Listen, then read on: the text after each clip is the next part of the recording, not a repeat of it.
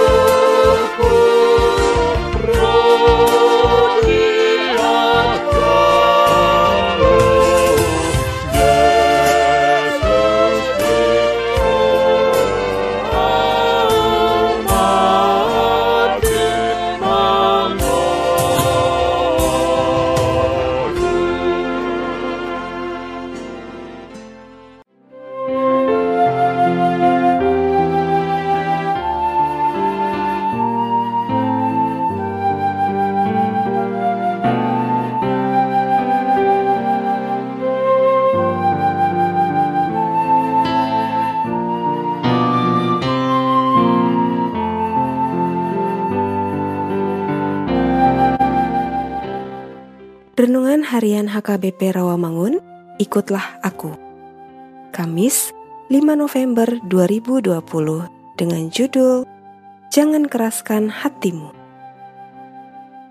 Bacaan kita pagi ini diambil dari Mazmur 78 ayat 1 sampai 7 dan bacaan kita malam hari ini diambil dari Wahyu 8 ayat 6 sampai 9 dan 12